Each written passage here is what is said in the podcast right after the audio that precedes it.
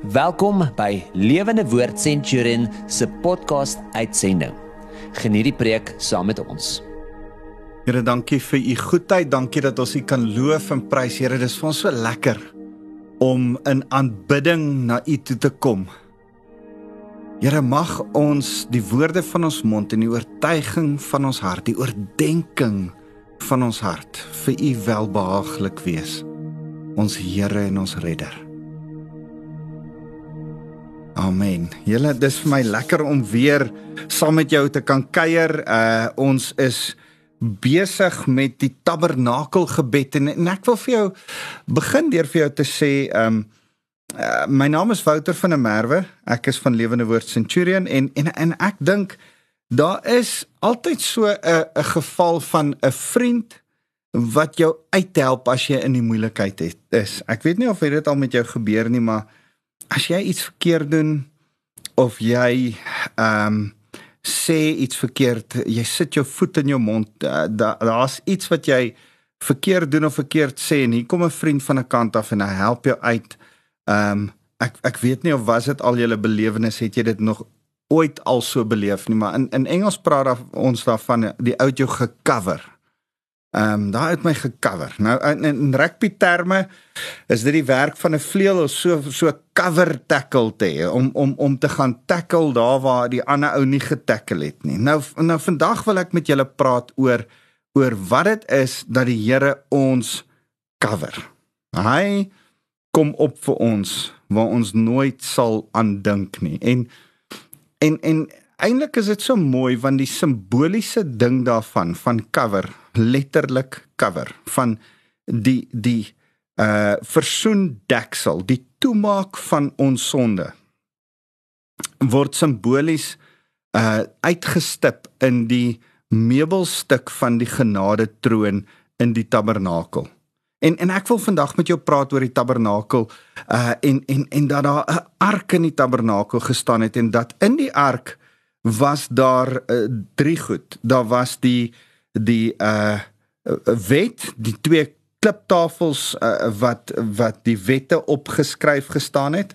Daar was 'n Aaron se staf wat ge, geblom het, gebloei het en dan was daar ook nog verder uh hierdie houer met manna en en eintlik is is al drie hierdie goed simbolies van die wet, die Ou Testament, die autoriteit van God volgens die Ou Ou Testament, die oordeel van die Here wat kom en en dan ook sy voorsiening uh die brood wat hy voorsien het in die in die Ou Testament. En nou kom die Here en in hierdie pragtige stuk wat ek graag vir julle wil lees, dan sê hy Hierdie ark moet nog 'n meubelstuk bo-oor kry. Dit gaan dan lyk soos een meubelstuk, maar is eintlik twee meubelstukke.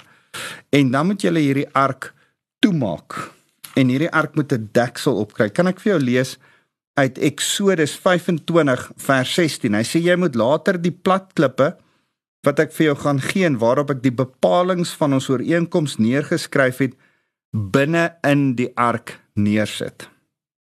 Nou daarmee saam uh weet ons dat daar ook ander goed in die ark gegaan het. Uh nou sê hy verder vers 17 jy moet ook 'n deksel van goud vir die ark maak. Dis 'n versoendeksel.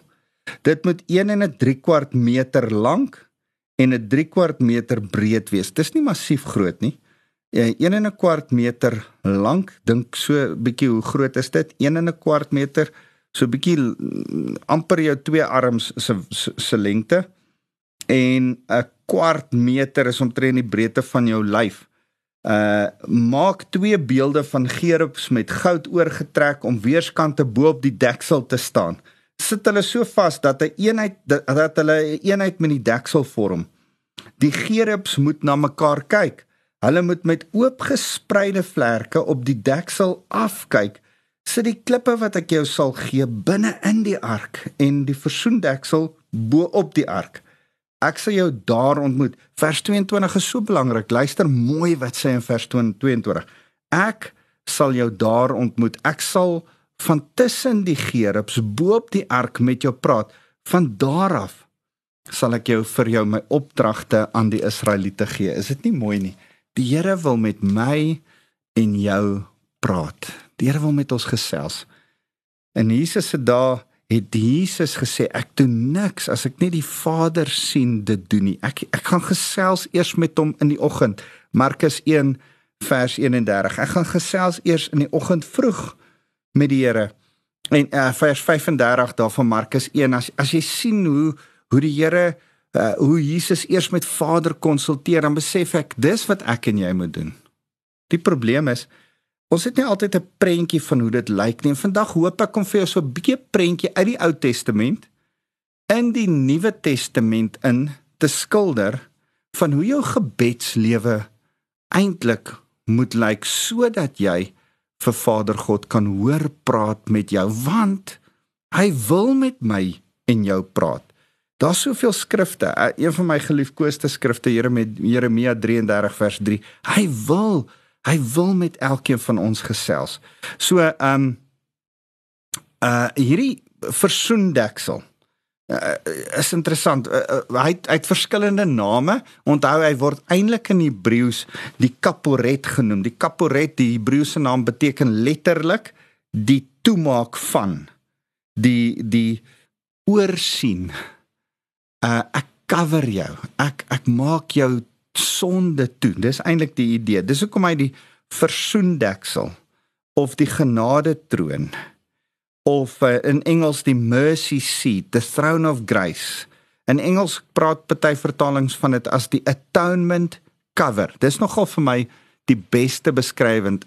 Atonement beteken cover, maar cover is wat ons verstaan. So daar staan eintlik cover cover. Hy's 'n atonement cover. Ehm um, in in in in Grieks, hoor hoe mooi is hierdie. Grieks is sy woord elasterion, hila, hilasterion. Hilasterion verwys na die woord Uh, miskien kan jy dit dalk en, en ek weet nie of ek verkeerd is nie, maar dalk hoor ek hierdie woord in hilarious. Ehm uh, maar hilasterion is 'n vredevolle, vreugdevolle, genadige toemaak. Hilasterion praat van 'n vreugdevolle genade, nie net ja, ek so genadig maar ek wil dit nie eintlik doen nie. Nee nee, ek's inteendeel, ek's so genadig dat ek inteendeel vreugdevol genadig is oor dit en ek maak toe. Dit dis die woord atonement, cover, mercy seat. Is dit nie mooi nie? Ons kry 'n paar maal hierdie woorde. Ons sien dit in Hebreërs uh 9 en ons sien 'n paar maal wat hulle in die Nuwe Testament en in die Ou Testament hierdie woorde genoem word. Maar hierdie genade troon is eintlik iets wat Moses in die hemel sien. Onthou ons sê ons het oor en oor vir mekaar gesê Moses is opgeneem soos Jesegiel soos Johannes uh die die disipel van die Here op die eiland Patmos is hy opgeneem en het die hemel gesien, die troonkamer. Daar's 'n paar mense, ek dink daar was 6 of 7 mense in die Ou Testament, Nuwe Testament wat die troonkamer van God self gesien het. En en hier beskryf Moses eintlik die troonkamer en is asof vir die Here, die Here vir hom sê, hoorie, ek wil hê dat jy 'n weergawe van my troon vir die mense moet bou. Dit dit lyk nie soos my troon nie, maar dis iets wat my troon gaan verteenwoordig op aarde. Ek wil hê jy moet dit gaan bou. Jy, jy sien daar's 'n wit troon, Openbaring 20 vers 11 en Openbaring 4 vers 1 tot 11 praat daarvan. Ek ek dink ek wil gou vir jou Openbaring 4 vers 1 tot 11 lees. Man, dis so mooi. Ehm um, dit praat van die troonkamer van die Here. Hoor gou hier. Hierna het ek gekyk en werklik waar 'n deur is oopgemaak in die hemel en 'n stem wat ek van tevore al hard soos 'n trompet met my hoor praat het, het gesê: "Kom Here hierheen, ek sal jou wys wat hierna moet gebeur." Onmiddellik was ek in die greep van die Gees. Ek het 'n troon in die hemel sien staan met iemand wat daarop sit.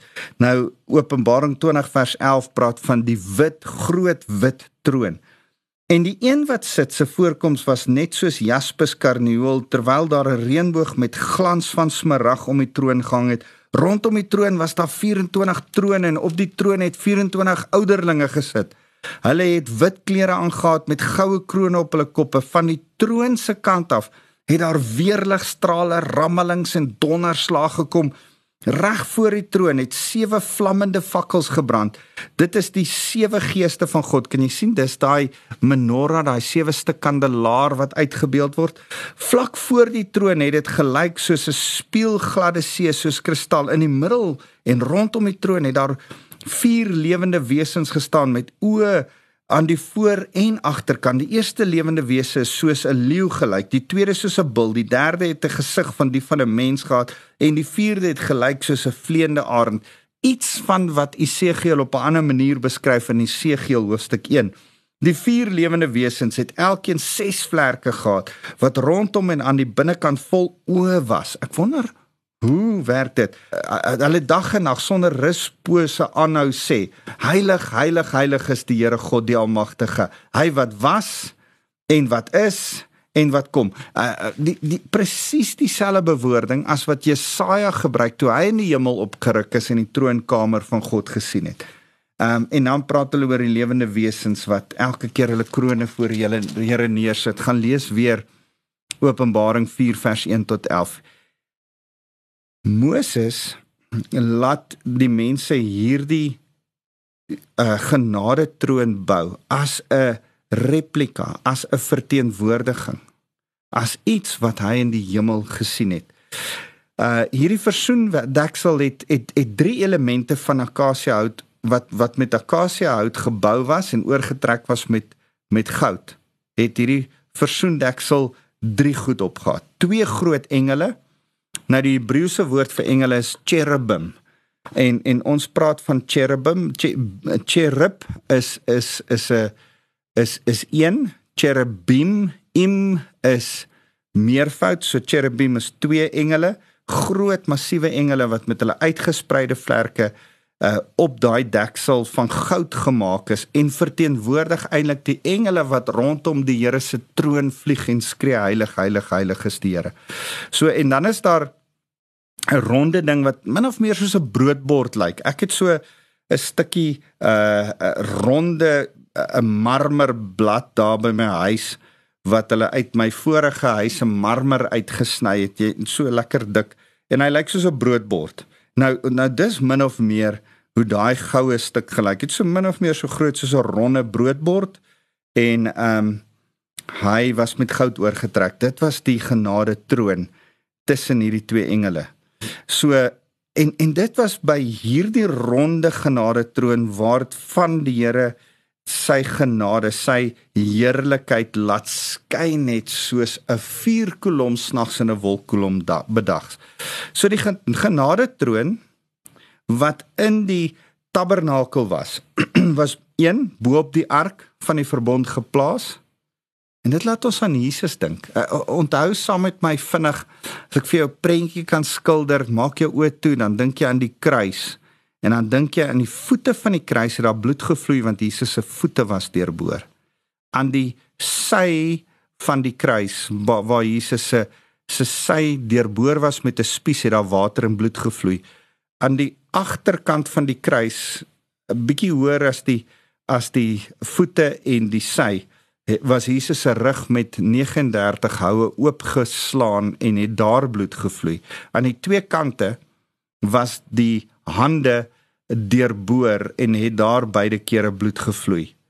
So, waar's ons nou? Voete, sy 1 2 3 by die rug, 4 by die hand, 5 by die ander hand, 6 waar sy baard uitgeruk was en hy deur die gesig gesig geslaan is.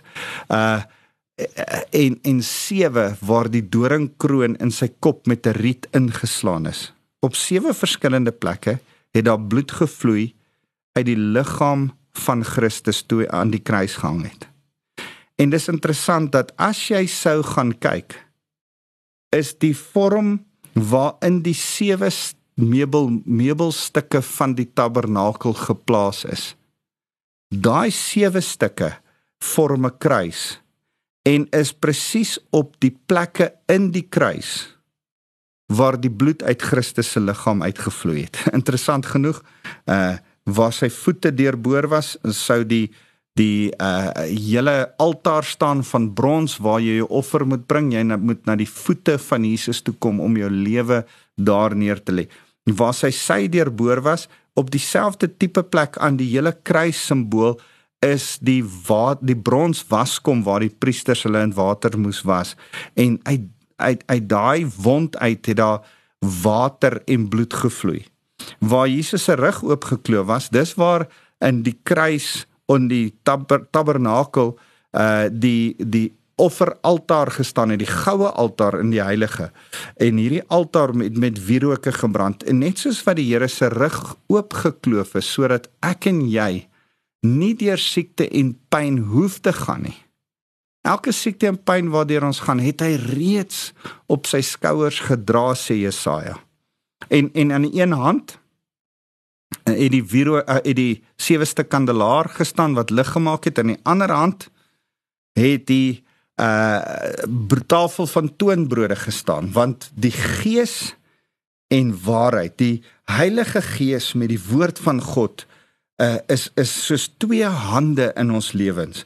Uh en dit was ook deurboor aan die kruis. En dan waar Jesus se baard uitgerit is in in die allerheiligste het die altaar die ark van die verbond gestaan. En in die verark van die verbond was die goed wat ek net nou van gepraat word. En die sewende stuk meubelment het bo op die ark van die verbond gestaan. Dis dan nou die die versoendeksel. En hierdie versoendeksel uh was uh, was definitief uh daar geplaas in die tweede plek om te bedek alles wat die wet was. En in die derde plek het hierdie vergenade troon vir die Israeliete plek gevorm waar God hulle kon kom besoek het.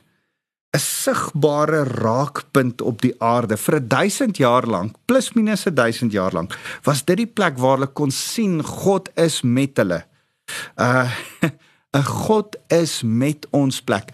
En en en wat ek duidelik wil hê jy moet hier sien, as ek en jy praat van God is met ons, aan wie dink jy? Aan Jesus, Immanuel. God is met ons. Jesus het toe later van tyd by ons kom woon. Hy is die een wat die sigbare raakpunt geword het. Hy is die versoendeksel gewees toe daar nie meer 'n versoendeksel was nie. Is dit nie mooi nie? Hy, hy hy kom dan ook en deur sy dood het daar versoening vir ons gekom tussen ons en God. Deur sy dood cover hy, maak hy toe. Hou hy oor ons sondes toe. So sien jy dat die genade troon in die Ou Testament eintlik na Jesus in die Nuwe Testament wys. Man, dit maak my so opgewonde. Jesus is in die hele Ou Testament deurspek. Jy kan nie anderste as om die Bybel te lees en Jesus die hele tyd raak te lees en die waarheid so te sien uitspring. Dit maak my so opgewonde.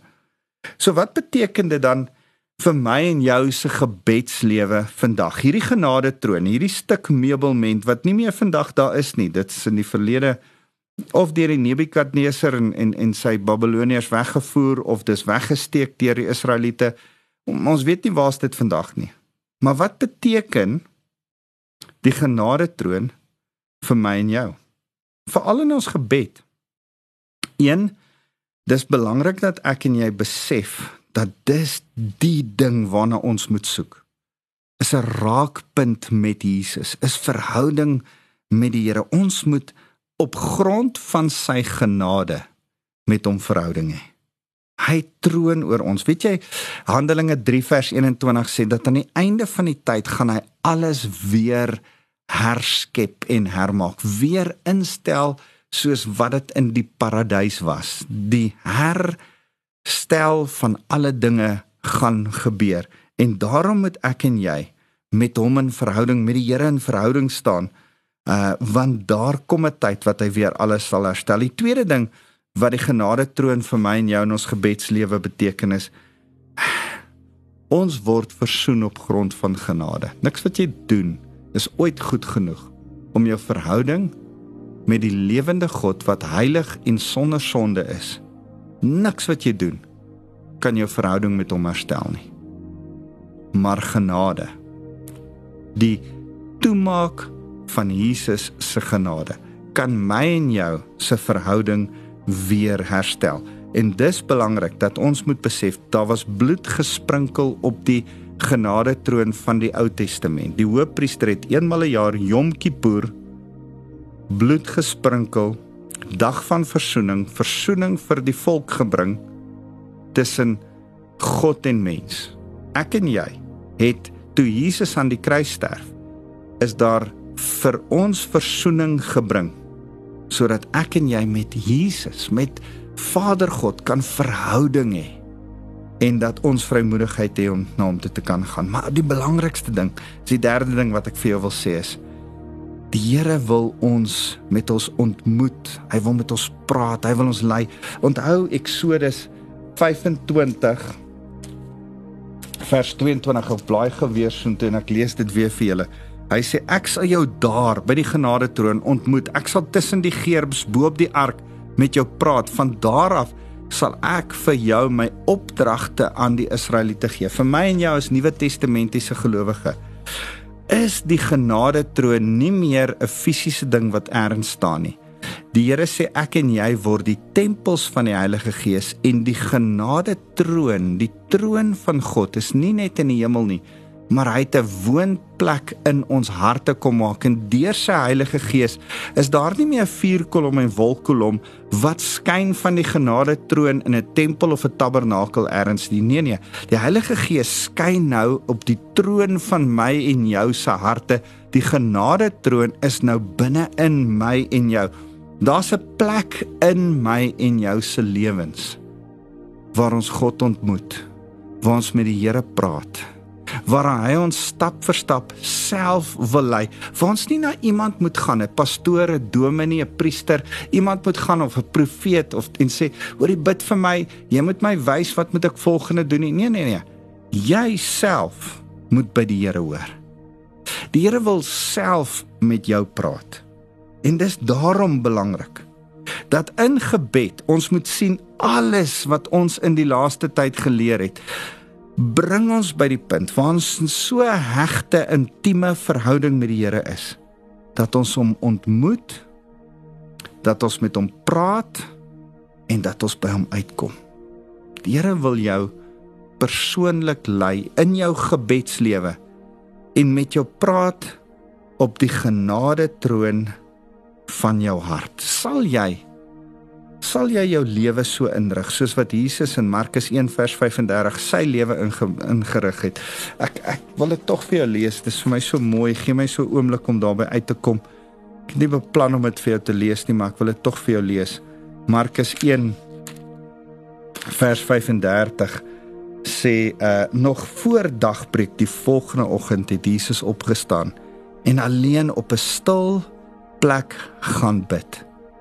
En en en dis wat ek wil los by jou. Sal jy 'n stil plek in jou daaglikse rotine kry? Miskien vroeg die oggend soos wat Jesus dit gedoen het voor dagbreek en by die genade troon van jou hart uitkom om met die Here te gesels en stil word en hoor wat die Here vir jou wil sê want gebed is nie net praat nie maar uit die Ou Testament leer ons ook dat gebed luister is Ons moet hoor wat God vir ons wil sê en hoe en waantoe hy ons wil lei. Ek's opgewonde, mag ons ons gebedslewens volgens die woord inrig. Ons kan die stem van die Here hoor. Wat 'n wonderlike voorreg. Here, dankie dat ons net so saam kan bid en kan besef, Here, U wil ons, U wil met ons praat. Here, U wil hê ons met met moet met U praat in 'n ge, aktiewe gebedslewe gereeld in 'n goeie stil vars tyd van die dag. Maar Here, nie net wil U hê ons moet met U praat nie, U wil ook dan met ons praat. Deur die Heilige Gees wat in ons harte woon, nie op 'n hoorbare harde stem nie, dit gebeur bitter min. Maar Here met hierdie stil stem van 'n gedagte wat baie keer dink ons dis 'n dis ons eie gedagtes en tussentyd as ons U vra, sê u u sal ons nie 'n klip gee as ons u vir 'n brood vra nie. U gee ons u stem as ons u vra. Here, ek kom nou en word stil en wil by die genade troon troon u stem kom hoor en dan begin u met ons praat. Here, dis ons begeerte. Mag elkeen wat hier na my luister, dit beleef om u stem te hoor. Here, en nou kom seën ek hulle met die teenwoordigheid van die Heilige Gees En Here met die genade van die genade troon Jesus Christus in ons lewens en met die krag wat Vader God altyd oor ons lewe uitroep mag U ons deel wees. Ons eer U Here Jesus. Amen.